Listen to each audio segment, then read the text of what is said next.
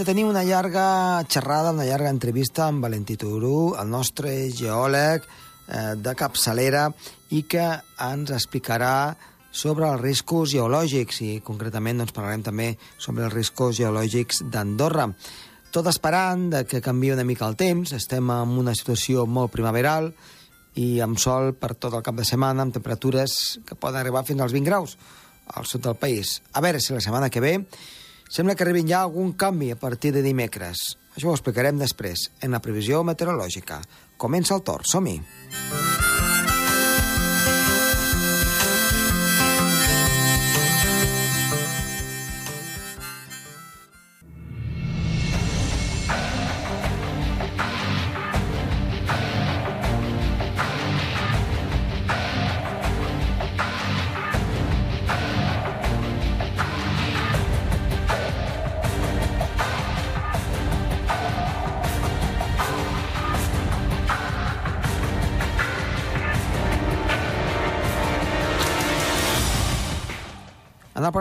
Tenim una entrevista amb Valentí Turú de la Fundació Marcel Chevalier. Valentí, molt bona tarda, gràcies per tornar a estar aquí amb nosaltres.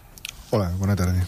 Eh, volem parlar amb el Valentí Turú, que és geòleg, sobre eh, una cosa que ens afecta moltíssim aquí al país, Andorra, i són els riscos geològics, desprendiments, eh, terratrèmols, volcans no, eh, perquè no n'hi ha, afortunadament, però vaja, tota una sèrie de riscos geològics eh, que tenen a, a veure doncs, amb, amb les muntanyes, amb, amb la meteorologia, amb el clima del passat, tot això una mica per fer-ne cinc cèntims i que ens afecten el dia al dia, el dia a dia, tot i que moltes vegades potser no ens en donen compte fins que passa alguna que altra cosa.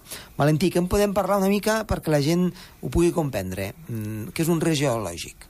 Um, bé, com a concepte de risc, um, uh, té a veure entre la incidència que pot tenir uh, un, un fenomen natural um, sobre, sobre uns interessos, eh? tant ja siguin privats com, com persones. Eh? Si eh, aquests interessos no hi fossin, encara que eh, la manifestació natural doncs, es produeixi, no generaria cap dany. I, per tant, eh, no hi hauria un risc. Eh? Uh -huh. És dir, que hi han d'haver dos uh, variables perquè mm, hi hagi una situació de risc. Una és doncs, una situació de, de perillositat, uh -huh. eh? de, de, per tant, aquest és la part que li correspon a, a la natura, no? que pugui generar una perillositat, i després eh, la part de vulnerabilitat, que és eh, la part on nosaltres de vegades tenim tendència a posar-nos on no correspon. No correspon. I... Això seria, per exemple, eh, una casa al costat del riu. Sí, efectivament. Per exemple, per dir alguna cosa, eh? Per dir alguna cosa, sí. Uh -huh. Llavors, pues, creem, nosaltres mateixos creem un risc uh -huh. eh, pel fet de que ja existia doncs, una perillositat anterior sí. i que no, o no l'hem identificat o simplement doncs, no l'hem tingut en compte i llavors eh, doncs, hi ha uns béns particulars o públics que estan en, en risc. Uh -huh. Aquest és el concepte. I, I, per tant, clar, eh, fem augmentar la vulnerabilitat d'aquesta casa o, o, o sí, o eh, lloc, clar, no? Eh, lo, lo, això seria inexistent doncs, eh, en una zona de, desèrtica, per exemple. Eh, doncs els eh, fenòmens també es podrien desenvolupar i, i generar eh, perillositat, però com que no hi ha res vulnerable, no hi ha risc existent d'acord? Uh -huh. uh, però quan més densament poblat està una zona, més augmenta doncs, la situació de risc perquè la vulnerabilitat augmenta. No? Uh -huh. I Andorra és una zona mm, de molt risc? Mm, bueno, mira, eh, primer anem a, a imaginar-nos com, ja com és el país, no? Eh, si un fa la relació entre l'àrea que ocupa una determinada cota topogràfica, que això se'n diu la corba ips ipsomètrica, mm, ens donarem compte que el, eh, pràcticament l'1% del territori està per sota de 1.000 metres d'alçada. A 1.000 metres d'alçada és l'Avinguda Carlemany. Sí. És dir, que és on es concentra la major part de població. Per tant, estem visquent en l'1% de, del territori andorrà i és on hi ha més població. Qualsevol cosa que pugui passar en aquesta zona afecta directament, perquè la vulnerabilitat és molt alta. Uh -huh. eh? Encara que sigui un incident petit, té una incidència important. Val? Eh, en canvi, doncs, jo què sé, doncs, eh, podríem anar a mm, Tristaina o podríem anar a altres indrets eh, situats a una alçada superior on la població, la densitat de població és baixa, on hi ha fenòmens eh, actius eh, i que no generen situacions de risc pel fet de que no hi hagi ningú que, al qual uh, se li pugui afectar. No? Uh -huh. um, Andorra, um, havíem parlat uh, temps enrere de, de glaceres, Andorra va estar coberta per glaceres, um, les glaceres uh, un cop uh, doncs, es van retirant, um, després uh, fora, fora d'antena hem parlat doncs, de desprendiments... Llavors, això m'agradaria que, que, que ens ho expliqués perquè crec que és una cosa que, que cal detallar. Sí. Que a vegades pensem de que quan una, les glaceres dels Pirineus, les poques glaceres que ara queden, un cop marxen, doncs la cosa ja estarà.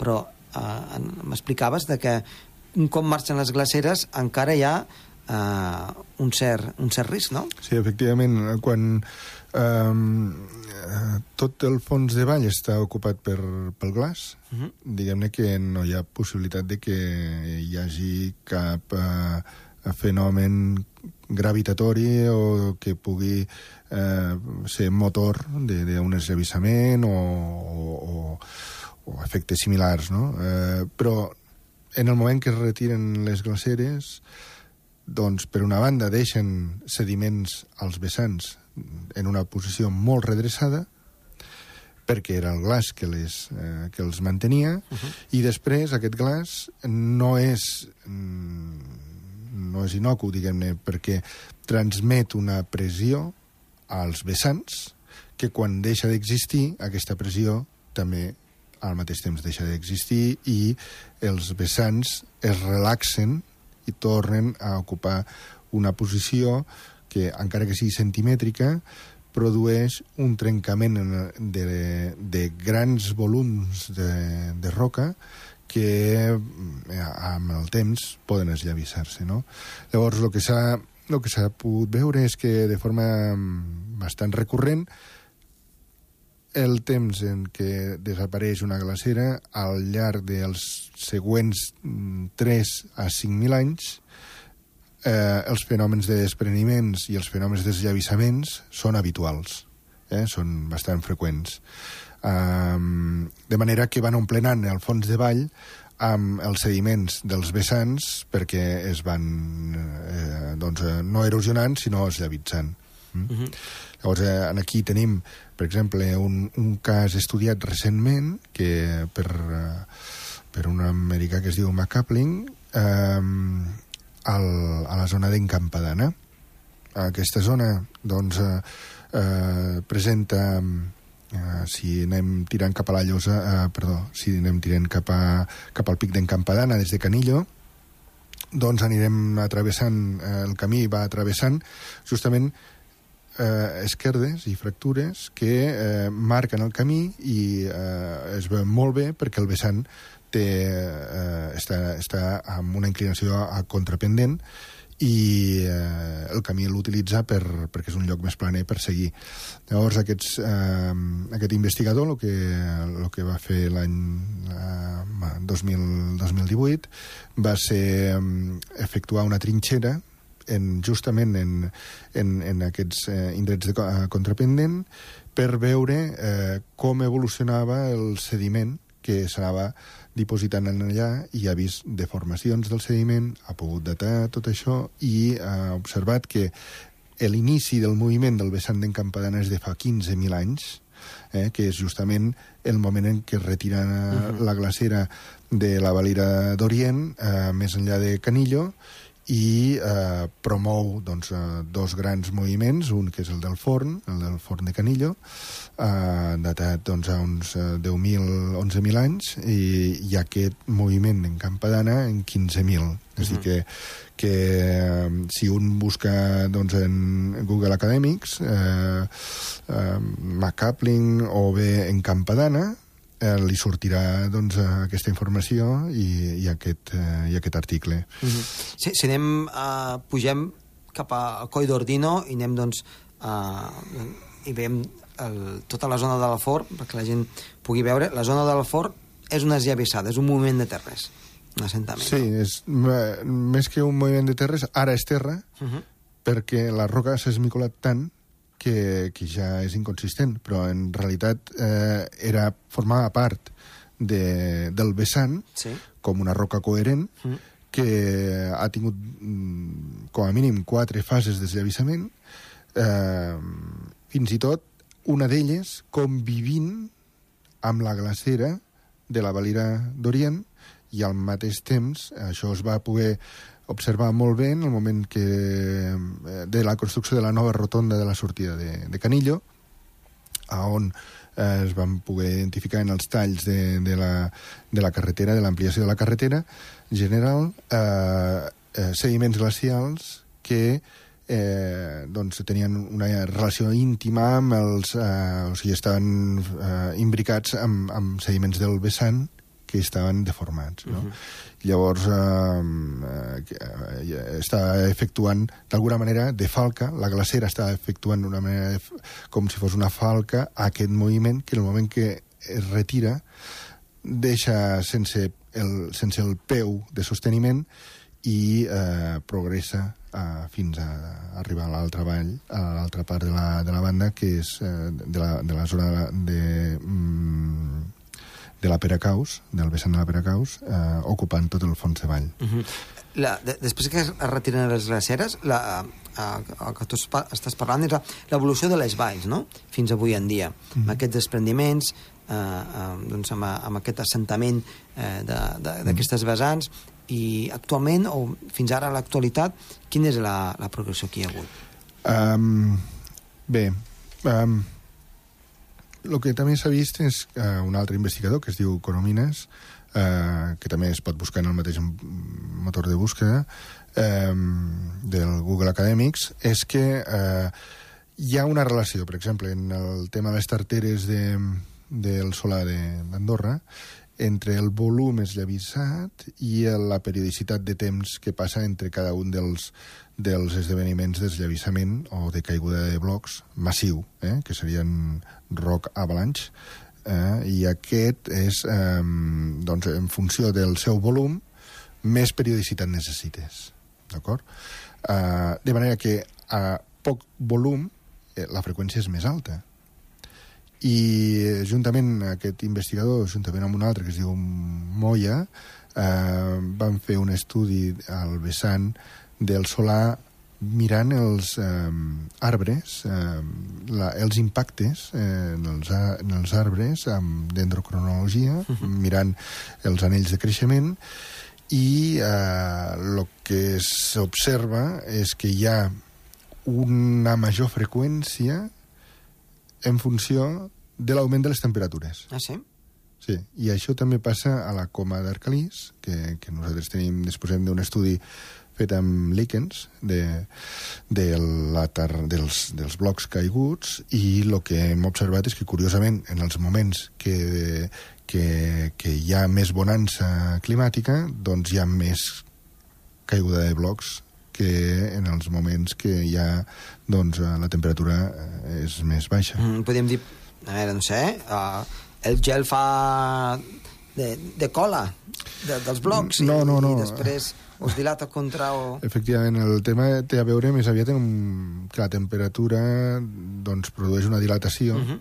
una dilatació en, en, en la part més eh, superficial del vessant, i aquesta dilatació eh, és la que acaba derivant en un eh, esllavissament massiu o puntual quan eh, hi ha un augment de la pressió de l'aigua intersticial que s'hi col·loca entre mig de les fractures i va doncs, augmentant la pressió eh, perquè justament amb, amb l'augment de temperatures doncs, pot haver també eh, doncs, un augment de precipitació uh -huh. I, eh, i llavors eh, probablement eh, les dues combinades eh, faci més de motor eh, d'aquest fenomen que, contràriament al que un podria pensar amb l'efecte de la falca del glaç eh, que, que va endinsant-se en les esquerdes i va acabar i acaba doncs, trinxant eh, els blocs eh, o esmicolant-los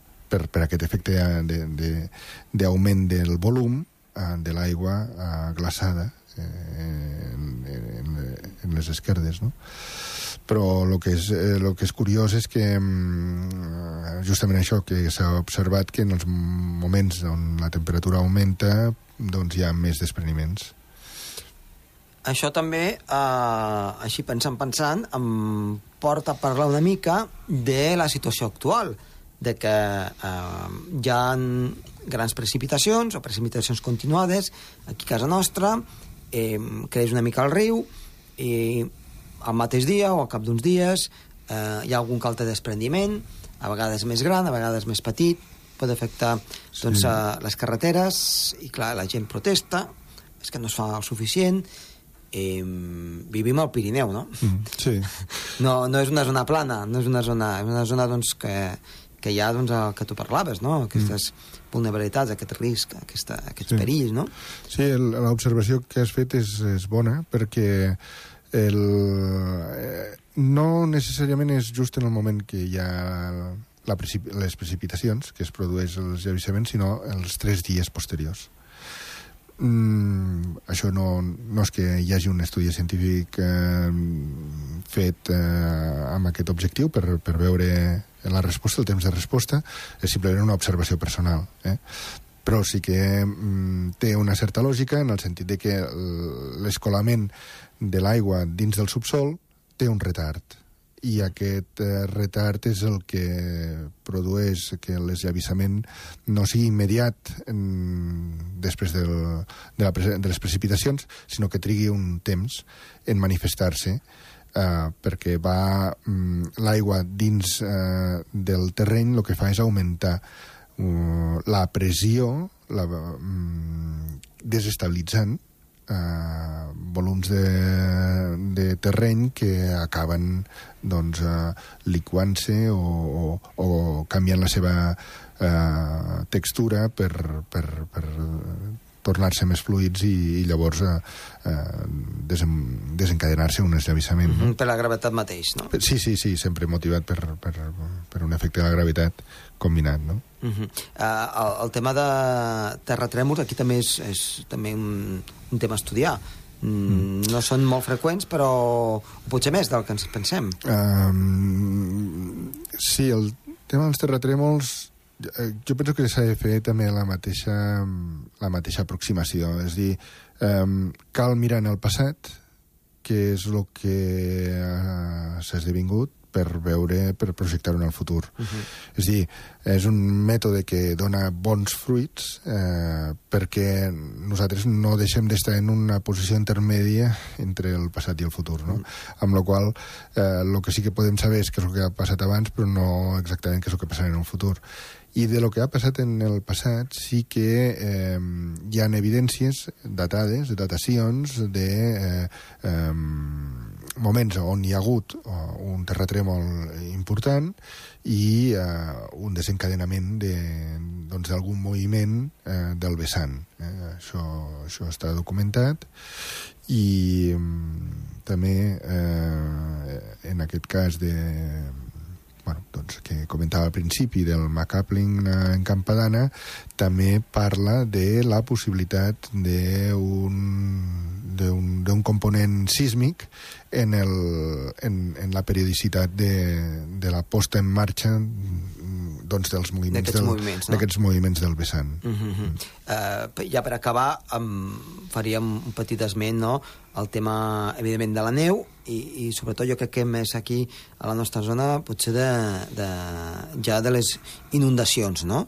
Uh, de l'estat actual doncs, en què totes les obres que s'han fet mm, en termes generals uh, poden afavorir de que uh, doncs, en cas de grans precipitacions eh, diguem-ne, no tingui uns... Um, al final no hi hagi un, un estrai com hi va haver l'any 82 o, o per molt que fem no, eh, no hi ha res a fer i ens hem de, ens hem de doncs, adaptar al que tenim aquí al país. No, cada vegada hi ha més consciència, que hi ha, per una banda, consciència. Per l'altra... Amb, amb el tema, vull dir, les actuacions que s'han anat fent per millorar. Sí. Ah, Són per millorar... Veritablement es, hi haurà una, mi- hi ha una millora en cas de que hi hagi una situació similar o, o, o no es podrà fer res o com, com penseu que...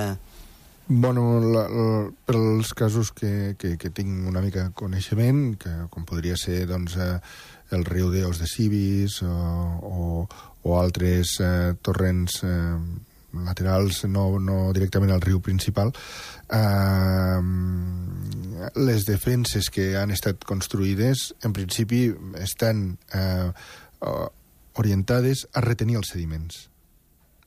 És a dir, a retenir els sediments perquè tu el que no pots fer és aguantar l'aigua, és a dir, no podràs construir mai un barratge per aguantar tota l'aigua, però sí que pots mirar de minimitzar que l'efecte de, de l'aigua sigui més destructor si comporta també eh, que un transport de sediments. Llavors, eh, la retenció de- d'aquests sediments és una mesura efectiva, um, però que convé doncs, tenir present que cal un manteniment eh, perquè el riu va transportant sediments tota l'estona uh -huh. i cal després eh, periòdicament fer un buidat i un, i un dragat de, dels dics i de- i d'aquest tipus de defenses que en el moment que siguin necessaris per eh, esdeveniments catastròfics doncs estiguin eh, en servei, en situació Clar. de servei, no?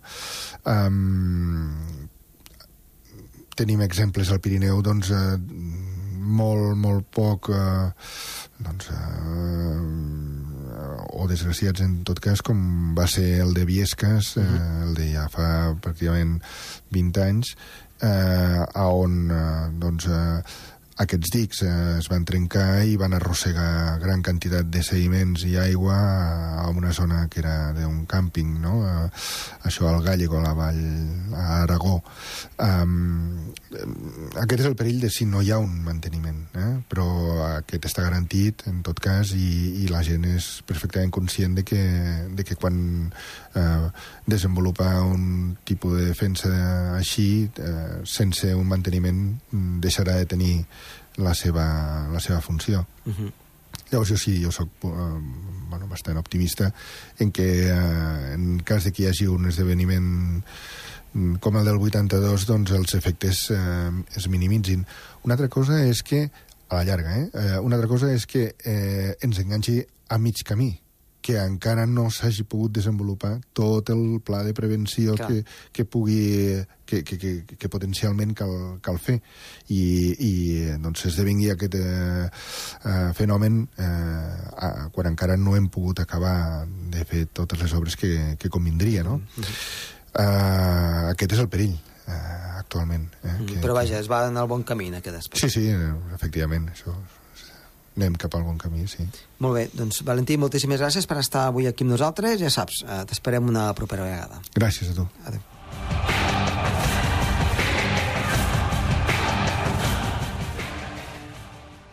El Torb, amb Josep Tomàs.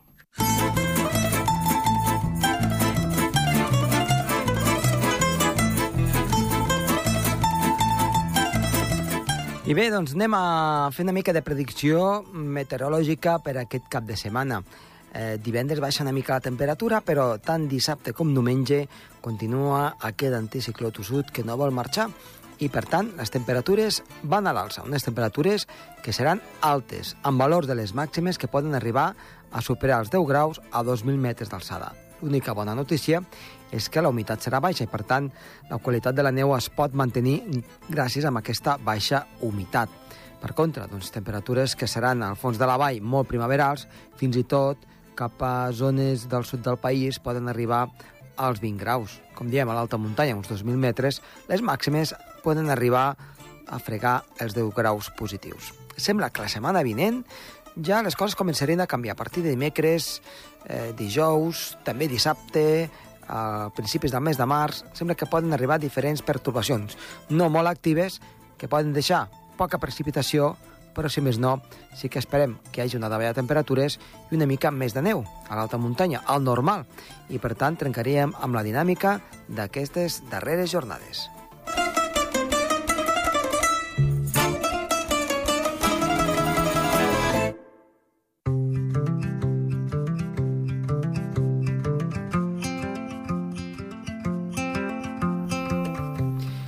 Doncs bé, fins aquí el programa d'avui. Esperem que els hi hagi agradat. Ha estat a les vies de so, Oriol Truix, i que us ha parlat amb molt de gust, Josep Tomàs. Adéu-siau.